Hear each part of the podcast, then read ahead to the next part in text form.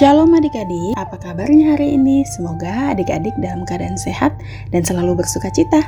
Yuk, siapkan hati untuk mendengarkan firman Tuhan hari ini yang terambil dari Yosua 7 ayat 1 sampai 13. Siapkan Alkitabnya dan biarkan terbuka. Mari kita berdoa. Bapa di surga, terima kasih untuk hari ini kami masih bisa bernafas dan beraktivitas dengan baik bersama dengan keluarga. Pimpin kami dalam perenungan firman-Mu pada saat ini, supaya kami mengerti dan bantu kami untuk menjadi pelaku firman-Mu untuk menyenangkan hatimu. Dalam nama Tuhan Yesus, amin. Adik-adik, bersama-sama kita membaca firman Tuhan dengan bersuara. Terambil dari Yosua 7 ayat 1 sampai 13.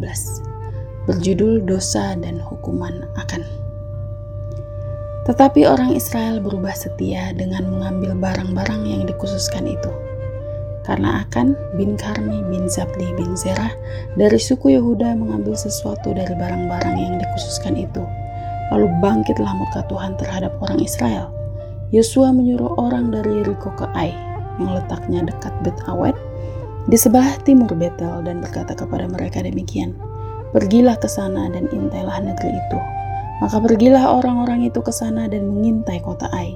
Kemudian kembalilah mereka kepada Yosua dan berkata kepadanya, Tidak usah seluruh bangsa itu pergi.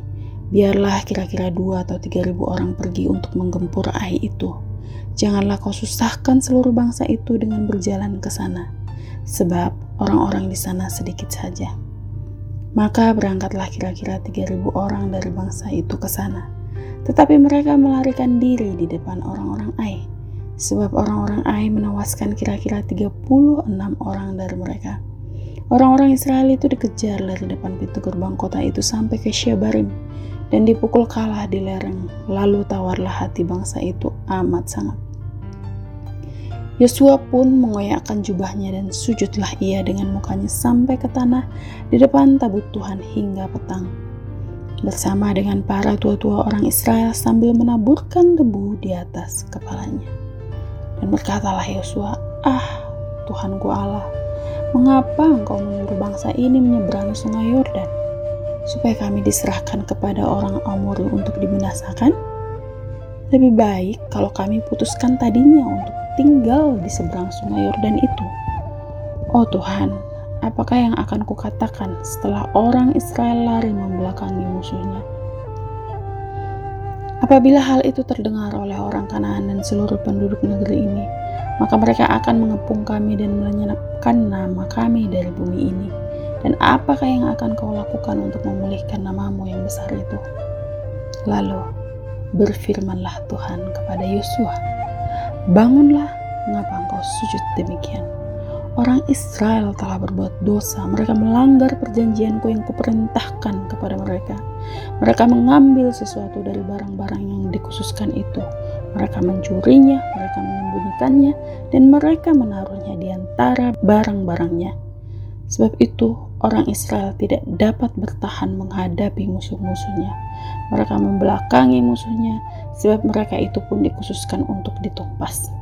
Aku tidak akan menyertai kamu lagi jika barang-barang yang dikhususkan itu tidak kamu punahkan dari tengah-tengahmu. Bangunlah, kuduskanlah bangsa itu dan katakan, kuduskanlah dirimu untuk esok hari, sebab demikianlah firman Tuhan Allah Israel. Hai orang Israel, ada barang-barang yang dikhususkan di tengah-tengahmu. Kamu tidak akan dapat bertahan menghadapi musuhmu. Sebelum barang-barang yang dikhususkan itu kamu jauhkan dari tengah-tengah kamu. Demikian pembacaan firman Tuhan.